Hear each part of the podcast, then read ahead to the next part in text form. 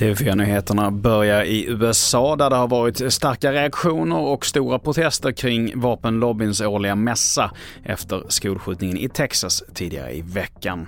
Lobbyn ser inte att händelserna är skäl till att skärpa vapenlagarna utan att man istället vill beväpna lärarna. It's time to finally allow highly trained teachers to safely and discreetly concealed carry. Let them concealed carry. Och det här sa alltså USAs före detta president Donald Trump. Vi fortsätter med att en kvinna förts till sjukhus med ambulanshelikopter efter ett fall från en balkong på tredje våningen i Hässelby gård i västra Stockholm. Enligt polisen bedöms kvinnan ha ådragit sig livshotande skador och en man har gripits misstänkts för mordförsök och polisen söker nu vittnen till händelsen.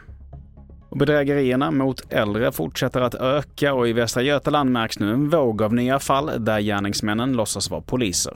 Enligt polisens nationella bedrägericenter har det till och med april i år anmälts nästan 11 000 bedrägerier mot äldre och funktionsnedsatta. En ökning med 29 procent mot i fjol. Och nu vill man återigen varna äldre och deras anhöriga. Och reporter i det här inslaget var Johan Håkansson.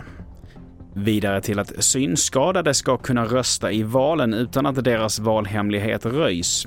Idag så krävs det att någon hjälper dem med nedsatt syn att stoppa ner valsedeln i kuvertet och lägga det i valurnan. Regeringen ger nu statliga forskningsinstitutet RISE i uppdrag att ta fram nya hjälpmedel som gör att synskadade kan rösta utan att någon måste hjälpa dem.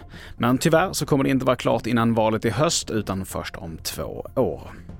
Och till sist, ikväll är det fotboll, Champions League-final mellan Liverpool och Real Madrid i Paris och den matchen börjar 21.00 och du kan följa den på TV4 och Simor.